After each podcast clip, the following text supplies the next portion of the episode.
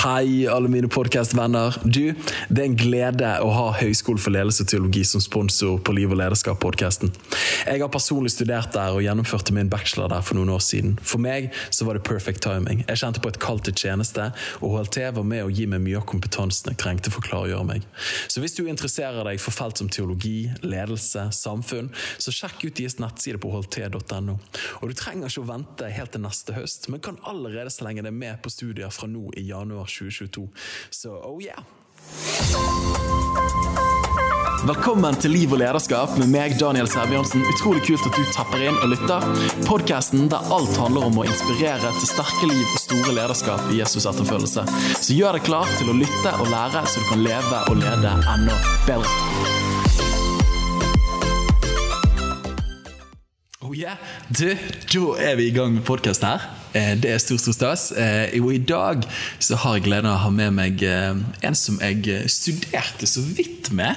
Møtte deg på HLT. Vi snakket, delte noen få setninger om menighetslivet i Norge. Mm. Og har ennå hatt til gode å catche opp med deg. Men Per Eivind Kvarman, hjertelig velkommen. Takk for det. Veldig gøy at du er med her. Eh, Du, Vi bare hopper rett på en liten sånn ingress. Hvem er du, hvor kommer du fra, hvor gammel er du, oppvokst osv. Ja, Per Eivind Kvammen, eh, 46 år. Ja. Ja. Oppvokst eh, her i Sandnes, som vi sitter nå. Eh, Det var hvor gammel jeg var, og hvor jeg kom fra. Hvem Hva mer var det du spurte etter? Type liksom bioen, er, du gift? Ja, ja, ja, ja. Gift med Vesna, som da en hører ikke er norsk, hun er fra Makedonia. Vi har vært gift siden 2004. Har eh, to jenter som er 11 og 13 år. Eh, og vi er bosatt på, her i Sandnes, på, på Gandal. Er du vokst opp i Sandnes òg? Ja. Eh, første åtte år på Bryne, og så flytta vår familie her til Sandnes når jeg var åtte. da.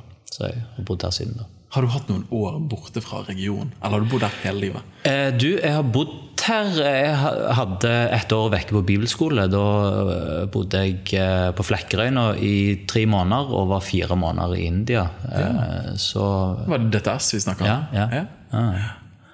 Så, så ja, så jeg har eh, hatt ett år vekke. ja. Men ellers så beina fint plassert i Ja, det er. Det er så bra, det. Nei, jeg er jo 29, og jeg, jeg pleier å si jeg har ikke vært borte mer enn fire uker fra Bergen. Eh, og det er jo på en måte Noen syns det er trist, men for de av oss som er glad i stedet vi kommer fra, så går det fint. Jeg, jeg syns det er der det skal begynne. Eh, Bor du et sted, så skal en finne alt det som er godt med det stedet, og snakke vel om det, og eh, bli glad i det stedet en bor. Ja. Helt sant. Det er nesten litt sånn Jeremia-vibb over det hele. Ja, ja. Tok, tok den undertonen hvis du tenkte på den. Men, eh, men du jobber som pastor. Du må Ja. si noen ord om det. Ja, eh, pastor i Sentrumskirka. Eh, vi har da tre forsamlinger. En i Sandnes, som er, er, eh, er det, den som jeg er pastor for òg. Og så har vi starta nå de siste fire åra eh, en forsamling i Stavanger og en i Farsund. Ja. Spennende. spennende. Vi skal snakke mer om, eh, om churchplanting etter hvert. Eh, Det er jo en av de tingene som jeg syns er utrolig spennende og krevende. Men det kommer vi sikkert til å berøre. Jeg har noe utdannelse. helt... ja, det har jo du sagt allerede. Eh, Det er en, en miniutdannelse for å holde til en eh, bachelor i, i menighetsledelse for å holde til. Oh, Shout-out til alle dere! Så, eh, men den tok jeg jo i godt voksen alder. Eh, Jeg var skoleflinke, men hoppet på en måte av eh, etter bibelskole eller den DTS-en, så hoppet jeg av alt. Alt av skole og gikk all in med menighet og ungdomsarbeid og Oh, yeah. alt det. Tenkte ut, utdannelse det får komme seinere, kanskje. Så Ja, mm. nice. Og så et eh, litt eh, mer artig spørsmål. Men hvis du måtte fulgt en kristen eh, altså en litt sånn kjent kristenprofil i en uke, hvem ville det vært? Og vi tror det er litt sånn naturmotstridende for deg å ha gjort noe sånt. Ja. Men, men hvis du måtte velge Hvis jeg måtte velge, så hadde jeg eh, konkludert Jordan Peterson sin, sin reise mot kristen tro og sagt at den har landa. ja. Sånn at han ble en kristen profil, eh, og så ville vil jeg fulgt vil jeg fulgt han. Nice. nice. ja, nydelig. Jordan Peterson. Det er Altså, han har jo altså, Når var det han ble et fenomen? Det, det vet jeg ikke. Eh, Det er jo noen år tilbake. Fire, fem, Ja. seks år siden. Ja. har jo tatt det av. Ja, ja, ja. ja det, er, det, er en fascinerende, det er en fascinerende person. Ja. Nei, helt sant. Du, eh, vi, hopper, eh, vi hopper inn i Det heter jo liv og lederskap, der, men vi begynner som regel med livet. Eh, etterfølgelsen av Jesus, Ja. når begynte den? å- For din del? Du, den kan jeg, den kan jeg spore tilbake til oppveksten. Og oppvekst eh, i en familie med foreldre som alltid har vært og fortsatt er svært dedikerte eh, i sin tro og i sin etterfølgelse.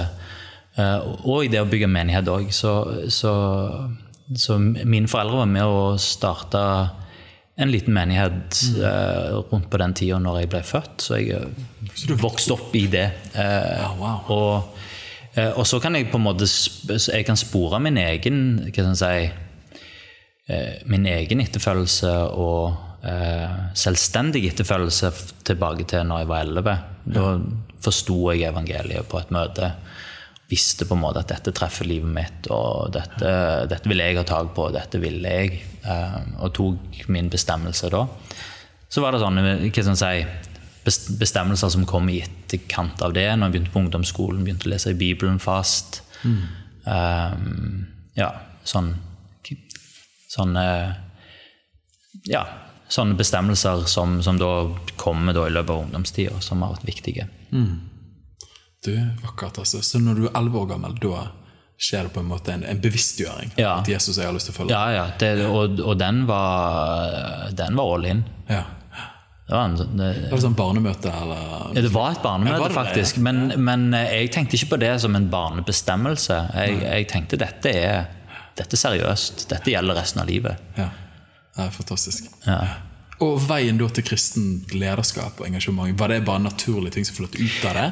Ja, det lå nok der som en sånn tanke. Hva skal du bli når du blir stor? Ja, kanskje et eller annet som har med, med, med menighet og, og kanskje det er noe som en skal gjøre. Så det ligger, det ligger jo bak der som, som en sånn baktanke. Eh, og så kommer det til overflaten i løpet av det året på bibelskole, eller på DTS. Eh, så, så, så veien inn i kristent lederskap handler jo Det, det er jo fundamentert på en kallsopplevelse som, som uh, Ikke bare ut ifra en god idé, men ut ifra en opplevelse at dette er jeg kalt til å gjøre. Ja. Fulltid. Men hadde du en opplevelse av det Ja. punkt? Ja, ja. Da, I løpet av det året der så, eh, så ble det ganske tydelig at det, det er det som både jeg ønsker sjøl, og som jeg tror Gud ønsker Ja. eh, for livet mitt. Og så prøve å forvalte det etter best mulig Ja. evne? Ja, Så langt man ser. Ja, så langt en ser. Eh, Det jeg gjorde, var å si til, til menigheten som jeg oppvokste i når jeg kom hjem, at eh, her er jeg, bruk, bruk meg til det som uh, virker fornuftig. Uh, og, og, uh, og bestemte meg for å være ettåring. Vi hadde ikke noe sånn konsept i den menigheten, men jeg spurte om jeg kunne være det uansett, og være der på kontoret og jobbe tre dager i uka. Og så fikk jeg noen arbeidsoppgaver og fikk liksom Vokse inn vokse inn i det etter hvert. Fikk ansvar for ungdomsarbeidet ganske raskt. Ja. Det er så fint, altså. Ja, det, det var veldig gøy. Ja, Og det ungdomsarbeidet, vokste det etter hvert? Eller ja, var det var, reisen? det var et ungdomsarbeid som hadde type 25-30 menighetsungdommer. Eh, først og fremst, og som, som, som var solid, og det, det var tilhørighet, og folk kom og, og hadde venner der. Eh, og et levende forhold til Jesus. Eh, og så kom jeg med litt eh, og, og, og noen andre venner òg som dro på bibelskole, og vi eh, fyrte litt til, så det ble litt fyr på dette her. Og, så det begynte å, å vokse ganske raskt. Det ble både 50 og, og 100 og, og 200. Og såpass. Ja, ja, det, det, og det skjedde i løpet av kort tid òg. I løpet av de fire-fem påfølgende åra. Så For Det forklarer kanskje da at man ikke tok en utdannelse. Det var nok å gjøre. jeg begynte på utdannelse. Jeg ja. begynte på universitetet. Etter jeg var ferdig som ettåring og hadde hatt et år i militæret, så, så begynte jeg på universitetet og tenkte at eh, jeg gjør det, og så er jeg ungdomsleder på si. Men eh, da, da tok det av i alle retninger. Ja. Eh, dro rundt og hadde andakter på skoler og eh, ungdomsmøtene vokste, og der, der kom nye folk hver fredag. Nei, det, det tok altfor er mye tid. drømmescenario Ja, eh, det, var ikke vits i, det var ikke vits i å gå på universitetet. Ja, nydelig, altså. Du, Fantastisk. Du, vi, vi gjør og peiler oss litt inn på menighetsplanting. Jeg, eh, som alle dere som lytter inn, vet jo at man har stått i menighetsplanting en del år. Engasjert i det, ikke minst gjennom M4. eh, M4 Ready. Jeg vet liksom aldri norsk eller engelsk jeg si det sånn. Jeg får høre med Øyvind Haugland, men M4 Ready. Eh, Men i Norge i dag så ligger vi ned litt flere kirker enn det vi starter. Og vi vet at er noen år så vil ganske mange forsamlinger svinne hen. Behovet for menighetsplanting er stort, eh, for å ikke rope for høyt. Eh, dere gikk i gang med menighetsplanting av Sentrumskirken. Eh, hva var på en måte historien, hjertet bak eh, noe av deres reise der? Nei, det, det er jo det samme som det du spør etter på veien inn i, eh, i lederskap. Det handler om kall. Mm. så, så, og dette er jo da 18 år siden. Um, så, og, og på det tidspunktet så var det ikke Det var ikke veldig mye strukturer på plass for menighetsplanting eh, noe sted, egentlig. Eh, Hvis en skulle plante menighet, så, så gjorde en det fordi en var enten fordi det var en splittelse eh, og uenighet, eller så var det fordi en var veldig eh, tydelig på eller klar på at det er dette jeg skal gjøre. Eh, og det var min opplevelse da på det tidspunktet, at eh, dette er noe som Gud ønsker, og, og, og som så opplevelsen av å plante menighet da var å være lydig mot et kall fra Gud om å gjøre akkurat det. Så, ja. så, så, så det var min vei inn i, inn i menighetsplanting. Nå skal det sies at det, eh, det er klart at påvirkningen fra det som da på den tida var Dawn, som nå kalles for Sent eh, Hadde som- det begynt å ha en virkning at man tenkte ja, definitivt. Dawn hadde en eh, konferanse på midt, i 1996 eh, på, i Gauselkirka. Eh, som samla menighetsledere fra bredt over hele, fra hele Kirke-Norge. Eh, da, var det Åge Åleskjær og biskop han som var biskop her i Stavanger, da, Bjørn Bue, som, som var sammen som innbydere til dette. Eh, og, og da ble det lansert hm, ja, ja, ja. Og da ble det lansert en, eh, et mål som på en måte ingen sånn sett var ansvarlig for, men som bare ble litt sånn tenkt på et tall. eh, Men at det skulle plantes 500 nye menigheter eh, de kommende om det var ti år, eller om det var fram til år, eh, årtusenskiftet, det, det- husker jeg ikke. Men det ble satt på agendaen. Og jeg var til stede på den konferansen eh, da, eh, som eh, 21-åring. Mm. Så da ble det jo sådd et frø eh, av at ja, kanskje Kanskje skal gjøre det. Kanskje, kanskje det er sånn det ser ut Ja, Jesus. ja. Så, så det tok jo noen år, men, men, men det å kaste visjon for eh, menighetsplanting sånn som det, er, er nok viktig. Mm. For, eh, og var viktig for min del. Da ble det sådd et frø, det har fått vokse, og så da, på begynnelsen av 2000-tallet så materialiserte det seg. Men når dere da gikk i gang med planting i begynnelsen av 2000-tallet, er det rundt sånn 2004? 2003. Ja. 2003 eh, Da var jo det gjerne ikke altfor mange som plantet på samme tid.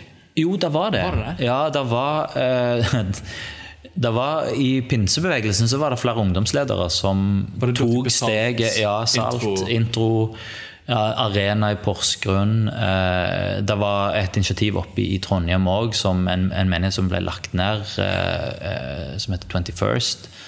Så da var det moment på en måte i Det var det. Eh, det var et moment i det. Eh, men, men det var òg litt sånn eh, skepsis mot dette som et fenomen. Og, og litt konflikt rundt noen av disse, konflikt rundt noen av disse plantingene. Og, og litt sånn tilbakelent La oss se hvordan dette går. Holdning til andre av de. Ja, veldig interessant. Altså. Men hvis du tar på en måte et, et metaperspektiv på det, pinsebevegelsen altså De første årene og ikke minst utover på 20- og 30-tallet så plantes det masse pinsemenigheter. Da var det på en måte i DNA-et Ja. å plante. Ja.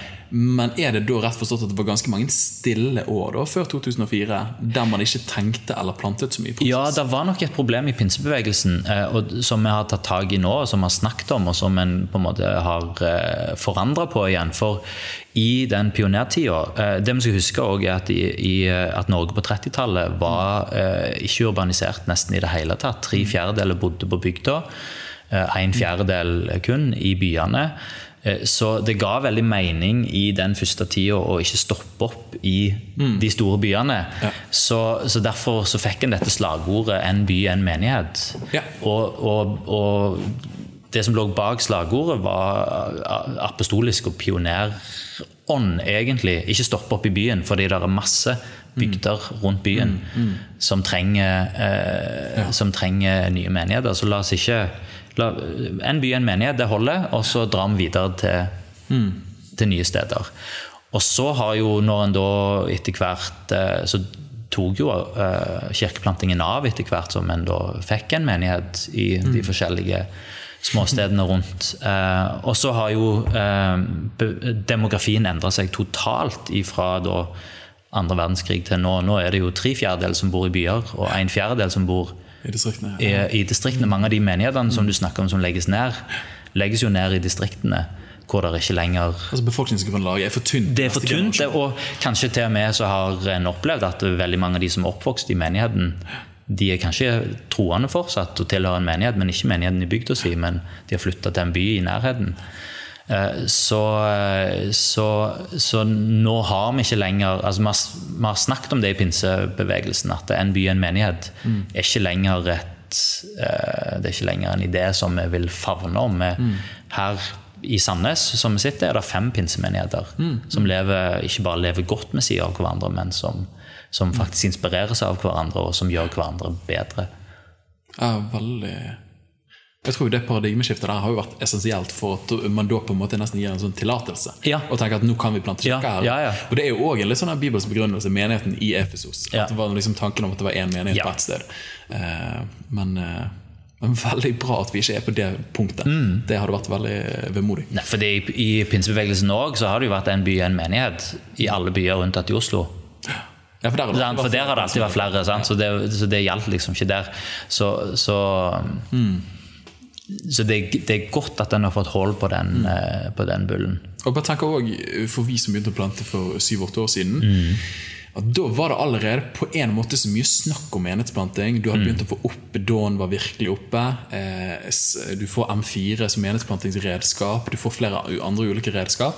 Og da er det både et, eh, en forståelse av at det å plante er essensielt, det er viktig, men så finnes det òg ressurser til å kunne plante. Mm. Ja. Så det, jeg vil jo tro, du som har vært med i dette gamet litt lenger, at man ser at landskapet for å plante i dag er mye bedre rigget enn det det var på den tiden. Nå er det eh, Ja, der, eh, hvis du ønsker å plante menighet, så kan du koble deg mot mange menighetsplantingsmiljøer. Der er ressurser, der er trening, der er masse erfaring, og, og, en kan minimere risikoen, egentlig, eh, for å feile. Så ja. I 2015 så, så var vi borte på det var LO sitt kongressenter. eh, Jeg vet ikke om du var med på det? Det var 13 ulike, ulike Jo, jeg var det. ja.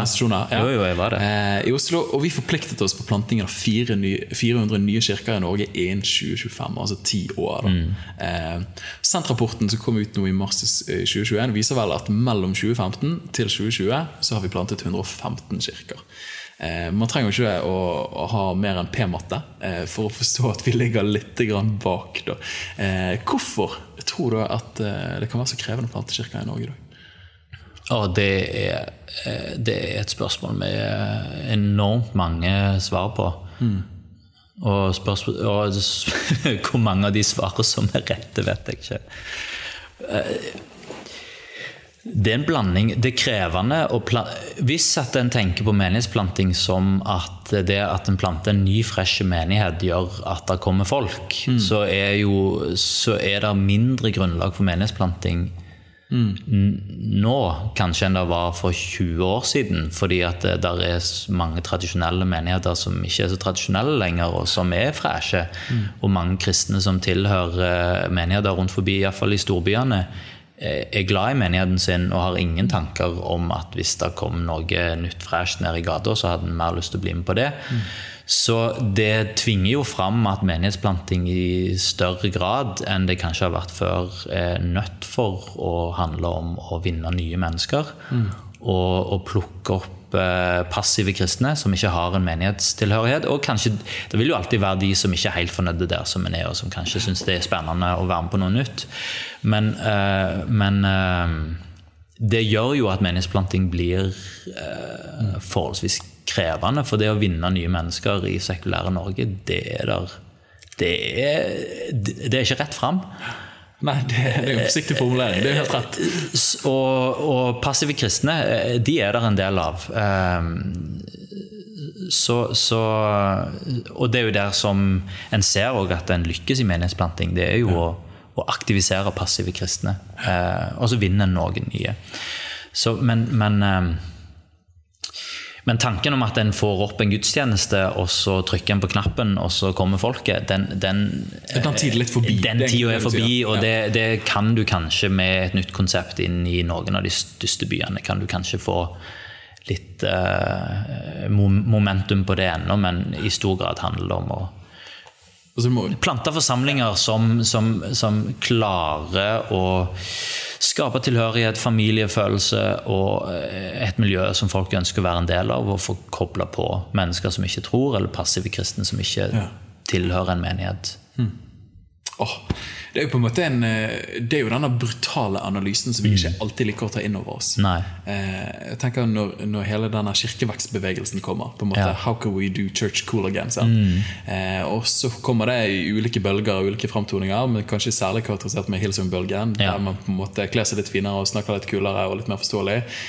Og det trekker folk, da. Ja. Begynnelsen av 2000-tallet. Eh, Og vi tror når dere plantet kirke også, på en måte, kontrasten til det etablerte var såpass stort at folk syns dette er mer relevant for oss. Vi ja, å prøve det. Ja, og det har vært helt nødvendig, tror jeg òg. Fordi at eh, kommunikasjonsmessig så har i sånn, pinsebevegelsen som jeg kjenner, og fri, eller hva skal jeg si eh, Karismatiske frimenigheter, som, som er det som jeg kjenner fra oppveksten, har jo vært utdaterte på måten en kommuniserer med samtida. Så, så disse bevegelsene har jo vært eh, helt nødvendige og har eh, tilført noe som en har mista litt på veien. da. Ja. Eh, så, så, men når en da hiver seg på den bølga, så, så eh, og, og, og lar seg bli forma av det, så, så er det jo ikke bare å komme opp med enda et nytt konsept som skal trekke, trekke folk. Nei, det tror du har helt rett i. altså. Det, ha. det er vel noen som eh, På en måte har jo den kirkevekstbevegelsen bidratt til en økt kvalitet på en måte på gudstjenesten, Ja, sånn som du sier. absolutt. Men ikke nødvendigvis kvantiteten ved at man vinner nye mennesker. I stor grad. Ja øh, Jeg vet ikke. Eller kanskje aktivisert folk med eh, kulturell kristen bakgrunn. Ja, jeg tror nok at undersøkelsene fra USA viser at de menighetene som har implementert kirkevekststrategier, har vokst mm. og blitt flere. Men der tror jeg nesten det motsatte. Eh, Altså Kvaliteten på det menigheten gjør, er bedre. Og, og strukturene og produksjonen og alt det. Men, og at en har da lykkes i å tiltrekke seg flere folk, fordi det er flere som finner seg til rette og syns at dette er kjekt å være med på. Men så er nok undersøkelsene viser nok at baksida av det er at kvaliteten på Disippelskap. Disippelskapet er, er lavere enn det det kanskje har vært før. Mm. Så at en, en har at det har kommet meg, meg baksida. Men, men nå skal jo det sies at det, det, er en, en, det er fort gjort å putte ting inn i båser som det nødvendigvis ikke passer inn i. Så, så det å liksom hive fram en attraksjonell modell og si at eh, alle som har store møter med, som trekker, tiltrekker seg mye folk, er attraksjonelle. Mm, det, er, det er ikke det er ikke sikkert at det er sånn. Og det er ikke sikkert at alle som har et stort møte, tenker som Bill Hybels gjorde i, eh, i Willow Creek, eh, og vil være enig i liksom eh, Eller Rick Warren i Saddleback, for, eh, for den saks skyld. Ja, jeg tror du har rett i. Det- Men hvis vi flipper, flipper spørsmålet, da tenker en, en av greiene ja, Hva er grunnen til at det er vanskelig å plante? Men hva vil du se fra ditt blikk? Hva vil du tenke er noen av suksessfaktorene eller noen av elementene som er viktige for å kunne lykkes med menighetsplanting i Norge i dag? Det som er Jeg tror det å skape det, det å skape miljøer som har en sånn familie eh, som har en familiefil. Og da tenker jeg ikke familie at det, der, der må være, at det må være masse barn der, eller masse familier. Men at, at en Jeg tror et av de store utfordringene, en av de store utfordringene i vår kultur er type ensomhet og meningsløshet, og, og det Drømmen om å tilhøre noe. Mm. det tror jeg er en en greie som en menighetsplanting kan skape fra begynnelsen av. En, vi, er, vi, er, et fellesskap her som, som, eh, som, det er mulig å tilhøre, som det er mulig å være en del av, og hvor det er godt å være. Eh, så, så det, er, det, er, definitivt én. Eh, og så har jo en menighetsplanting har jo I det øyeblikket en menighetsplanting har blitt til en menighet med program, og her er det som skjer på søndag, her er barnegruppene våre, her er ungdomsarbeidet som mm. vi skal få på plass, låsangstjenesten vår. Altså, vi blir spist opp ganske fort av aktivitetene som kreves for å gjøre menighet. Eh, og den som prøver å gjøre menighet uten å gjøre alle disse tingene, vil jo heller ikke lykkes på lang sikt, fordi en får barn, og barn trenger barnekirke. Og en trenger et ungdomsarbeid for alle. altså Ungdommene trenger å møtes et sted. og Skal vi ha lovsang, ja, så, så, trenger vi det lovsangsteamet, og det må planlegges, og det skal være skikkelig. Men eh, fordelen til en menighetsplanting er at du kan på en måte hoppe ut av alt det. Mm for en periode. Og bare gjøre det misjonale. Det misjonale. Ja. Skape fellesskap, ha fokus på liksom, det å møtes og, og, og, bare at det er måltid og mat, mm. og at det, vi blir kjent, og at en, en, en, skaper de tingene som, som, som, som, jo det fort blir vanskelig å ha tid til mm. å gjøre hele tida fordi en skal fikse alle, mm. alt stæsjet. Mm. Så, så, den undervurderte delen av kirkeplanting i vår tid, det er prosessen fram til en liksom trykker på knappen og setter alle aktivitetene i gang. Ja, ja. Ja, jeg, tror, jeg kjenner meg veldig igjen i det du sier der. Og jeg tror jo på en måte de fleste av oss som menighetsplantere lever på en måte nesten litt for den dagen der vi kan liksom, ja. Nå er vi en etablert kirke, ja, nå er jul i gang, nå får vi en vanlig arbeidsrytme. Og bare sånn Vi klarte det, liksom. Men da er jo du i gang med å stagnere nesten. Ja. Ja, Eller drifte videre. Drifte, og, og, og, og, det er bra, og det er konge. Og det er en, en, viktig fase, og da skal du få kvalitet i når du skal gjøre ting skikkelig. Mm. Eh, og folk skal se at en kan tilhøre dette fellesskapet, ikke bare nå, men eh, inn i neste livsfase. Her kan jeg få barn, her kan jeg, få, her kan jeg leve og dø. Mm. Eh, og, og, det er jo kjempespennende. Mm. Så, men, Nei, men, men, men, plantingsfasen, da kan en ha et, et, helt annet fokus. Som, ja. som, som sånn sett eh, iallfall en god del mennesketyper syns er veldig spennende og gøy. Da, som mange savner kanskje fra sin, I en etablert, i en etablert ja. menighet. Ja, spot on, altså. Det, å, vi må ta tilbake verdien av eh, Det er på en måte nesten litt som uh, de første årene der du er gift før du får barn. Ja. På et vis. Ja, ja, ja. Du får jo ikke de igjen. Nei, det gjør du ikke. Uh, og, og da, da, er det tid til Tid spises jo opp når barnet kommer. Ja, det, det kommer flere av oss bevitne. Uh, men du, et lite girskifte da, til, til, menighetsliv. Nå er jo du engasjert i pinsebevegelsen når det kommer til å ha ansvar for uh, å være med og engasjere til menighetsplanting. Mm. Men menighetsliv er jo på en måte hvis barnefasen, eller før barnefasen er menighetsplanting, mm. til man får barn, og så går man over i på en måte mer familiefasen, som er da menighetslivsfasen. Og For en tid tilbake, du skriver jo noen flotte kronikker. Er det kronikker man kaller det? Ja, Baktanke, vet ikke hva det er for noe. Ja. Er det bak KS, ja. ja. ja, ja. Baktanker. Baktanker. Litt av en formulering. Eh, men du kalte den 'Fornyelsens feller', der du bl.a. skriver Jeg synes jo jeg elsker gode formuleringer, men du skriver eh, Vi har bedre rammevilkår for ledere, men færre som ønsker å lede. Inspirerende visjoner, men gløden i bøen som gjør visjonen til virkelighet, har avtatt. spørsmålstegn. Kvalitet i musikk og produksjon av lovsang, men mindre lidenskap i tilbedelse, osv. Eh, det er jo noen ganske litt ramsalte beskrivelser og analyser du trekker opp der. Har du lyst til å bare knekke dette bildet litt mer opp? Siden jeg tror det er flere av oss som kjenner, kjenner oss igjen i akkurat dette. Ja, eh, første så vil jeg jo si at jeg skriver spørsmålstegn bak alt dette. fordi at eh, det er ikke sikkert at det er realiteten alle steder. Mm. Uh, og en skal alltid være forsiktig med å slå ting fast. Men min min observasjon, og sånn ut ifra Også må en alltid spørre seg sjøl har jeg blitt gammel. Mm.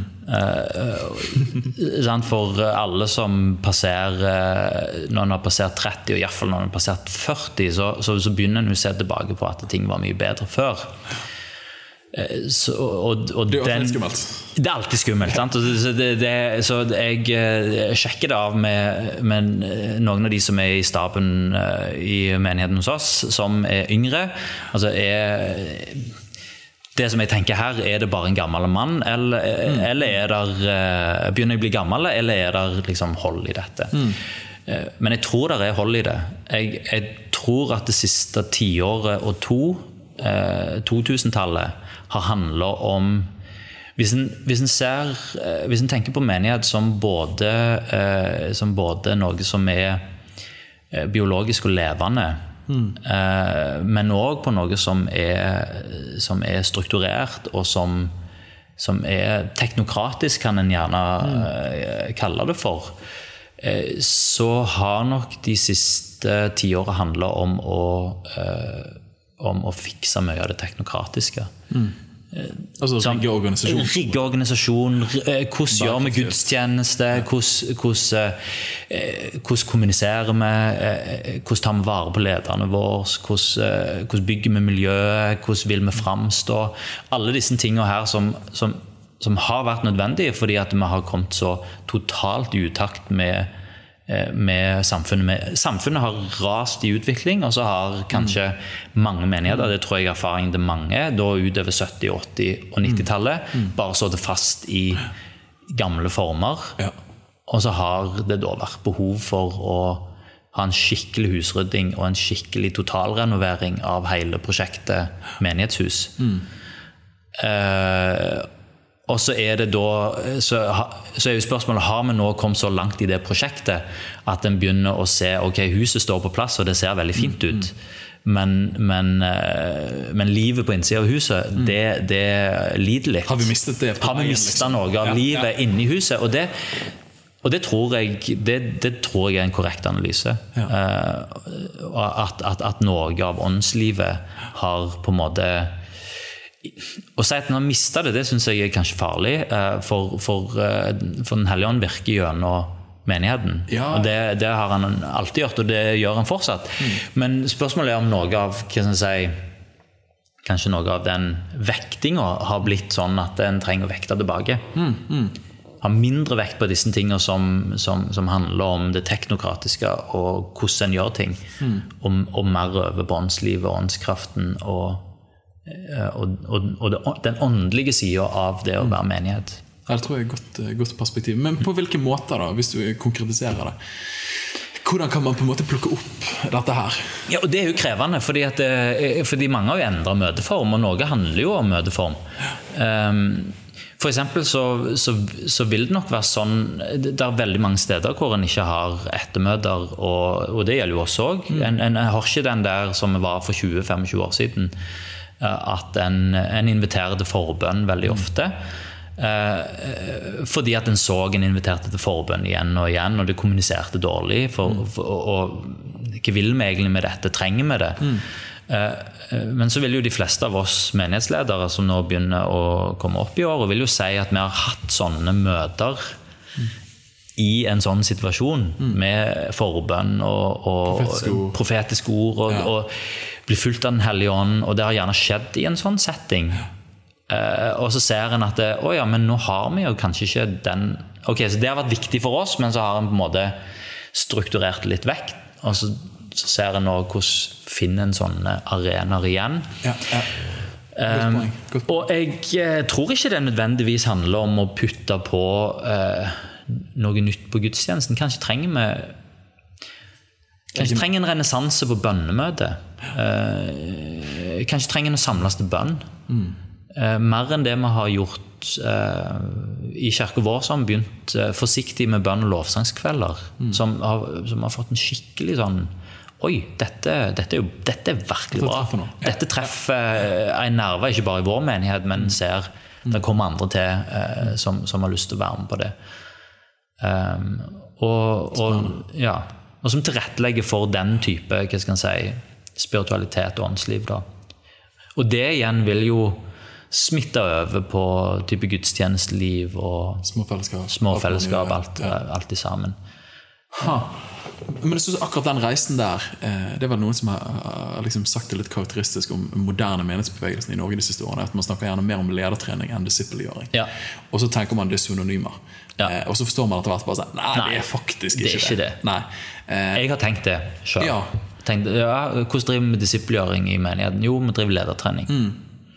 Og jeg synes også En av de spennende tingene når jeg har satt meg ned med denne podcasten her, og, og får høre liksom trosfortellingen og kallsopplevelsen til mange Mm. ledere, er jo at det skjer jo nettopp i de kontekstene der det var det litt rowdy bønnemøtet. Ja. Mm. Der det var den leiren, der det ikke var polert, og han hadde ikke forberedt seg, han som prekte, men han fikk et kunnskapsår. Det var til meg, og det forandret livet mitt. Ja. Jeg hadde aldri gjort det på samme måte igjen, men jeg vet bare at jeg er forandret pga. det. Ja. det. Men så har vi blitt så flinke og fine, og vi har tatt bort de anledningene, sånn som Mm. du sier. Eh, men da tankekorset Ok, men, men hvis det var dette som forandret oss, vi kan ikke holde det tilbake for neste generasjon. Eh, og det er vel kanskje litt sånn her due time, at vi kan nesten ikke vente for lenge med å skape de rommene igjen. Mm. For at du har nesten en generasjon som har vokst opp uten de litt den der spontane, crazy gjestepredikantene fra USA, som var mye rart, men det var kjempesterkt òg, på en eller annen rar måte. Eh, ja. Ja, og, og, og det utfordrende med dette er jo at det, det er jo i de gode fortellingene fra noen av disse møtepunktene, det er jo der òg de dårlige fortellingene kommer. Ja, ja. Så, og de, de dårlige fortellingene vil en jo, de vil en jo ikke gjenta. Um, så så, så her, her, her må det på en måte en, en må på en måte begynne på ny, egentlig. For en har ikke En sunn karismatikk. Hvordan ser det ut? på for, måte? ja, for en, en, en har ikke, har ikke eh, en, en har ikke lyst til å gjenta noe som viste seg å være usunt. Um, så um, Men jeg, jeg tror du har helt rett. Det er, det, det er 10 000 kroner spørsmål. Eh, Den oppvoksende generasjon, eh, hvor er møtepunktet mm. for den, de som vokser opp i en menighet i, i Norge nå? Hvor er på en måte de møtepunktene der en tar de radikale bestemmelsene? Der en får et møte med Gud som, som merker en litt, og, og, og som, som, gjør, som setter retning da, Ja. for, for, eh, for livet. Så spennende. Vi får ta skrivebok skrive bok om det her, Per Eivind. Ja, kanskje det. Kanskje vi... Men jeg må, jeg må si når jeg reiser rundt eh, og preker alt fra indremisjon til trosbevegelse, eh, så jeg synes å gjenkjenne eh, en veldig lengsel etter det er det som går på åndsliv. Det Mm. det som går på Den hellige ånd, det som går på nådegaver. Eh, Ja. Og der folk spør deg mer og mer Kan du komme og snakke om Den hellige ånd. Og, og, bare liksom, og den partesen, Ikke bare snakk om det, Mm. men du må be for folk etterpå. Eh, og det er bare sånn der, Type liksom fra de mest konservative sammenhenger òg. Vi er bare sultne, liksom. Vi, Ja. altså, vi er lei polerte taler og fine formuleringer på et vis. Sånn, funker det greiene her, liksom? Mm. Ja. Jeg, jeg tror du har helt rett. Um, men så tror jeg det er en utfordring i dette, fordi uh, alt som har med Tilbedelse er jo oppmerksomhet. Og, og, og åpenhet mot Gud vil jo òg på en måte handle om å gi oppmerksomhet og, og gi fokus. Og der tror jeg òg at vår tid har en kjempeutfordring på oppmerksomhet. Eh, fordi vi er så innhulla i En er så, en er så kobla på sin telefon. Og eh, der er så mye informasjon, der er så mye som skjer. En er pålogga hele tida. Så jeg vil nok tro at det er krevende for ikke bare dagens unge mennesker, men for eh, dagens vestlige mennesker å koble på Gud. Det som er åndelig, fordi en, en, der er så mye mm.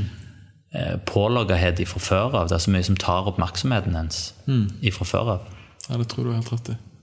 Det, ja, og vi skal, vi skal touche de tingene med hvordan være en, en disippel i en digital verden, sånn som vi er nå. Eh, bare for, eh, Vi har jo snakket litt om pinsebevegelsen før vi begynte å ta opp her. Vi har snakket mye om mye, eh, og det er veldig spennende. Du er jo en mann som liker å reflektere, Per Eivind. Eh, men, men nå er jo dere en del av pinsebevegelsen. Fantastisk rik åndsarv, både nasjonalt, men ikke minst globalt. Hvor rommet for åndens spontane virker har vært helt essensielt. Eh, og så er moderne pinsebevegelse kanskje blitt kjent for å være mer polert, sånn som vi har snakket om nå. Eh, og da er det nok flere som har reist spørsmål ok, når da gjerne nådegavepraksis flyttes mer og mer bort, tungetale er mer og mer et fremmedord, eh, hva er på en måte det særegne bidraget til pinsebevegelsen? Hva er fellesnevneren som holder, holder dere sammen på et vis? Ja, og det er jo, det er jo mer enn en bare åndskraften som etter hvert har fått prege eh, pinsebevegelsen. Hvis, hvis en går tilbake til, til, eh, til pinsedag, som jo er utgangspunktet òg for eh, pinsevekkelsen, så ble disiplene fulgt av Den hellige ånd, og de talte i tunger.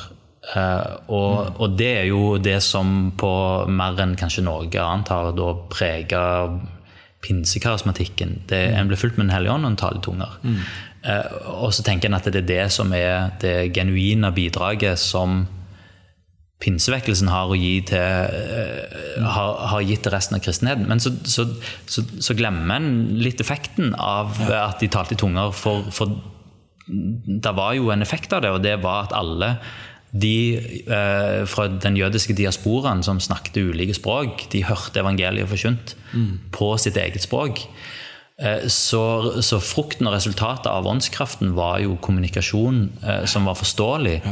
Eh, og der har det nok, i den vestlige verden, så har nok på en måte pinse eh, Pinsemenigheter har blitt rariteter, har blitt raringer som, som, som driver med et eller annet rart på sida. Mens det som var tanken med åndskraft, var kommunikasjon med omverdenen på et språk som er forståelig. Eh, og, og, og der der ser en at mye av det som eh, Måten som pinsevekkelsen sprer seg i verden, så handler det jo nettopp om et, et, nesten sånn kommunikasjonsunder. Ja, ja. Eh, for nettopp fordi pinsebevegelsen er såpass lite firkanta, men den har muligheten til å Som Paulus sier, jeg er blitt altfor for alle. For, i det minste, for de som er slave, så er jeg som slave for Kristus osv.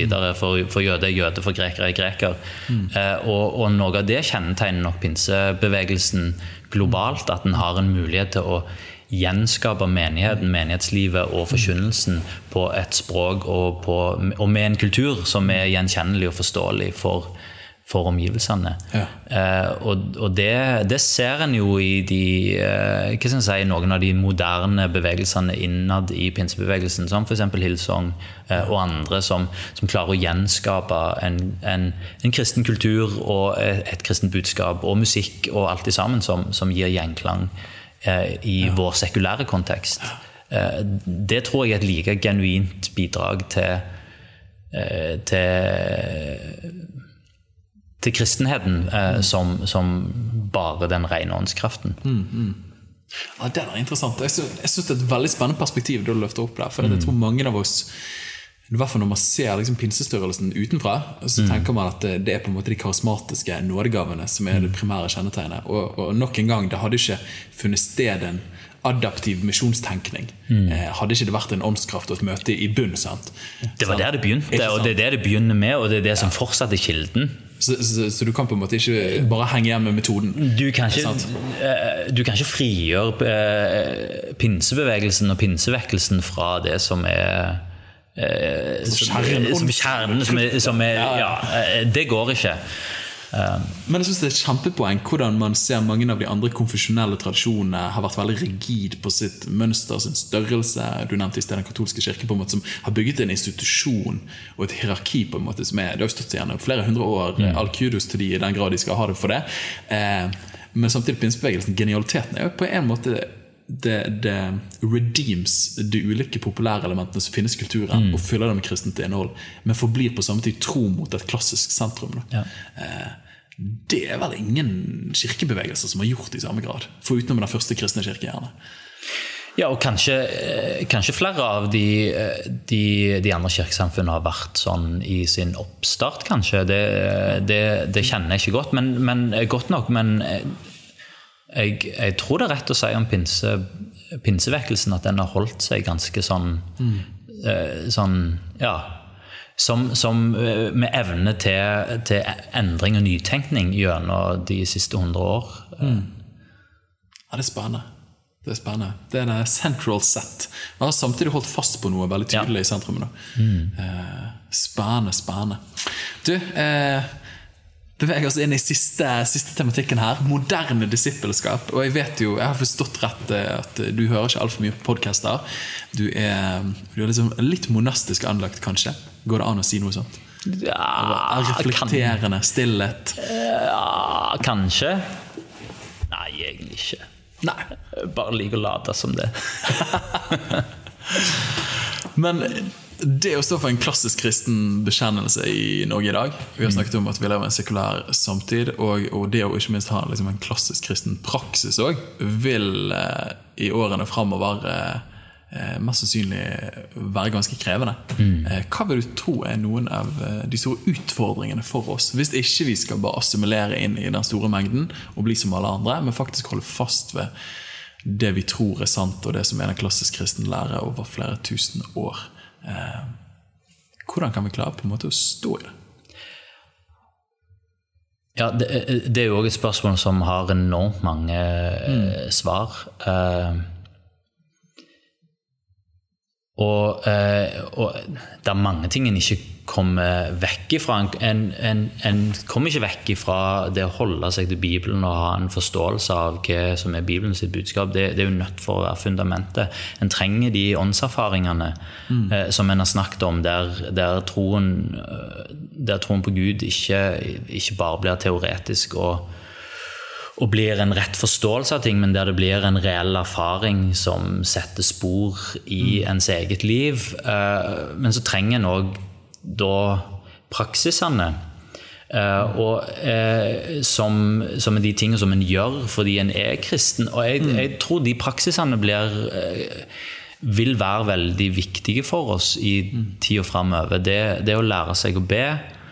Det, det å, å, å gå til gudstjeneste ukentlig Bare det er jo en sånn praksis som en ser er i fri flyt. Altså, der, for ja, fordi at en har en Ok, jeg går til gudstjeneste hvis jeg har lyst.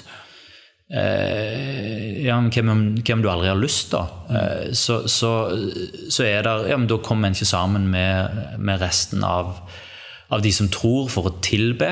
Så, så den, den offentlige tilbedelsen, den som en gjør sammen med andre, og ha en vane på det, det, det, å, det å lese Bibelen sin uh, og, og gjøre det jevnlig eh, Og faste mm, Kom an. jeg, jeg tror vi trenger å gi sin tiende. Eh, kanskje det, det er en av de virkelig viktige kristne praksisene i vår tid. For det er så, vi er så ufattelig rike. Og vi blir så fort uh, går så fort inn i overforbruk. Og vi shopper jo gjerne for å, eh, for å trøste oss sjøl òg. Når livet er vanskelig, så, så går en på et kjøpesenter og kjøper noe nytt for å bli glad. Det er jo ikke en kristen måte å bli glad på. Den, den, den, den kristne måten å bli glad på er jo å gi. Uh, For det er saligere å gi enn å få, og det er å leve i respons på evangeliet. Det, det er å, å kanskje spinke og spare for sin egen del for å kunne velsigne noen andre. og, og Eh, og, og noen av disse praksisene treffer jo vår tid som en knyttneve, egentlig. Eh, som folk etterspør. For en, en, en vil jo gjerne få hjelp til å leve et, et mer bærekraftig liv, og der en ikke overforbruker.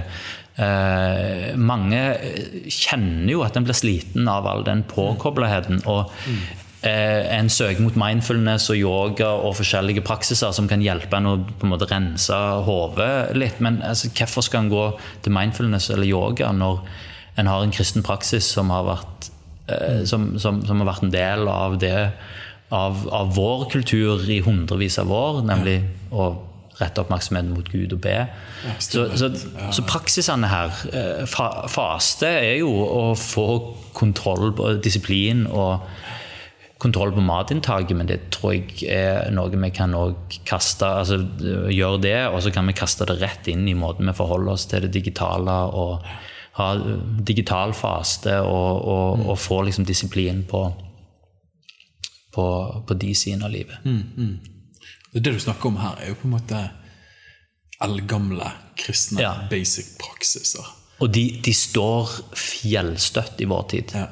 Og det er nesten hipster òg, da. Ja, jeg tror det kan bli trendy å be. Ja, og det å faste. Ja, ja, ja. Og det allerede er jo en sånn Ja, det er litt bevegelse. Ikke overforbruk. Ja, ja, ja. Spare, kjøpe brukt osv. Veldig spennende, altså. Det, det som er bare viktig, er at det, det, må, må jo ikke, det må jo ikke bli sånn at vi ser ut som at ja, nå syns alle at det var en god idé, så nå må vi vise at dette Dette har vi holdt på med lenge. Dette er jo ting som vi skal holde på med, og som vi har holdt på med lenge, og som, som står fjellstøtt uh, i vår tradisjon, og som er bare enda viktigere å ta tilbake igjen, ja. å ta tilbake og praktisere og lære opp menigheten i. ja misjonsbefalingen, å lære dem å holde alt de har befalt dere. Det er jo ikke alltid vi å lære dem Lære dem alt jeg har befalt dem, men holde Det ordet der, eh, det verbet der, har nok gloppet for mange av oss Ja. mange ganger. Så, du vet, eh, Dette er jo litt uh, impro-spørsmål, men, men i, i møte med en, en kultur som har stadig mindre anerkjennelse for de klassiske verdiene som har preget samfunnet vårt, men som vi står for, så er min erfaring at vi som er man gjerne kaller klassisk kristne eller konservative kristne, som tror på det Bibelen sier, eh, ikke minst det mot samlivsspørsmål, etikk og de tingene der, at vi ender opp med å snakke innover til våre egne forsamlinger, i den grad vi gjør det i det hele tatt. Eh, men vi tør i hvert fall ikke å, ta del i det offentlige ordskiftet i stor grad. Og løfte opp de tingene vi tror på, og argumentere for de da. Eh, hva på en måte det kristne vitnet, da? Hvordan, hvordan håndtere det spennet der? Hva tenker du er noe av eh, Nå gir jeg deg liksom bare store spørsmål her. Ja, hvordan gjør en det?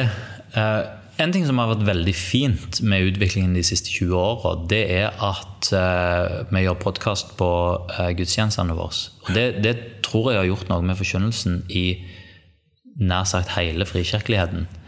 Fordi at eh, eh, alle forkynnere har blitt seg bevisst at alt en sier til enhver tid, ikke bare sies, til rommet eh, som lytter, men at det, det kastes ut til, for alle til oss å lytte på. Eh, og, og, og det tror jeg har gjort vår eh, kommunikasjon bedre, og evne til å, og kanskje snakke ut over egen forsamling. Eh, eh, gj- gjort oss mer kompetente på det.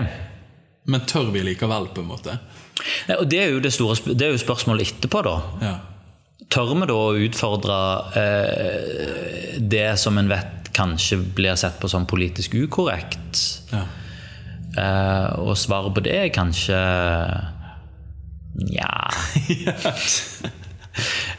Men det som er bra, da, det er at jeg, jeg tror at vi er bedre rusta Til å kunne gjøre til å kunne gjøre det. Ja. Eh, Fordi en er vant til å tenke at når en snakker, så snakker en ikke bare til menigheten, men en, en, en snakker til et bredere publikum. Ja. eh, Som gjør at en kanskje har bedre forutsetning for å finne kommunikasjonsbroene. Som gjør at en kan òg kommunisere det som en holder for sant, men som kanskje blir oppfattet som politisk ukorrekt, kan kommunisere det på, på måter som, som gjør at en får i gang en dialog, mer enn at det skaper vegger. Det tror jeg vi er rusta for i vår tid. Og jeg tror at det vil være attraktivt eh, hvis vi våger å gjøre det. Ja. Det var et fint, eh, fint take på det, Per Eivind. Så vi er, vi er rett og slett i en posisjon der vi har gode muligheter for å kunne kommunisere bra. Ja. Da er jo det store spørsmålet kommer vi til å gjøre det. Eh, Det vil jo tiden vise. Det vil jo tiden vise. Så jeg intenderer i hvert fall å være en av de. Ehm, Du, vi går mot en ende. Dette har vært en, en utsøkt treat eh, å få lov til å bli litt bedre kjent med deg. Eh, Jeg pleier alltid å stille spørsmål på slutten. Hva vil være ditt fremste råd til lytterne for å hjelpe dem til et sterkere liv og et større lederskap i etterfølgelsen av Jesus? Legg vekk mobiltelefonen. Kaboom! Nydelig! Eh, Så begynner man der, så tror jeg mye løser seg. Ja, få ned skjermtida. ja. Ferdig arbeid. Vi lar det stå med det. vi lar det stå med det, Elsker det. Det kommer til å bli husket. Istedenfor liksom syv ting du må huske på. Dette ligger bort telefonen din. Du, tusen, tusen takk Per for din tid og for din tanke. Eh, Dette har vært eh, veldig veldig gøy. Menighetsplanting, menighetsliv, moderne disippelskap i Norge. Noen av de store tematikkene. Veldig gøy. Hvis folk har lyst til å henge på deg og få høre mer fra deg, hvor finner de deg? Mm, ja, de kan komme på besøk i Sentrumskirka. Eh, Det er alltid kjekt. Vi har en podkast derifra som, er- som er strålende bra. Veldig bra kommunisert for flere enn bare menigheten. Ja. Eh, Og så går det an å lytte til musikken vår da, eh, på Ja. Spotify, Sentrums. Mm. Der er det mye bra musikk. Du, så bra. Tusen takk, eh, Per Eivind. Takk for at du lyttet inn til Liv og lederskap, og håper at du ble inspirert til å leve sterkere og lede større Jesus-etterfølgelse. Hvis denne episoden ga deg noe, del den veldig gjerne videre til en venn eller to, sånn at de kan bli inspirert. Og husk det at ditt liv, ditt lederskap betyr en forskjell, så ikke len deg tilbake, men len deg framover. Vi trenger deg.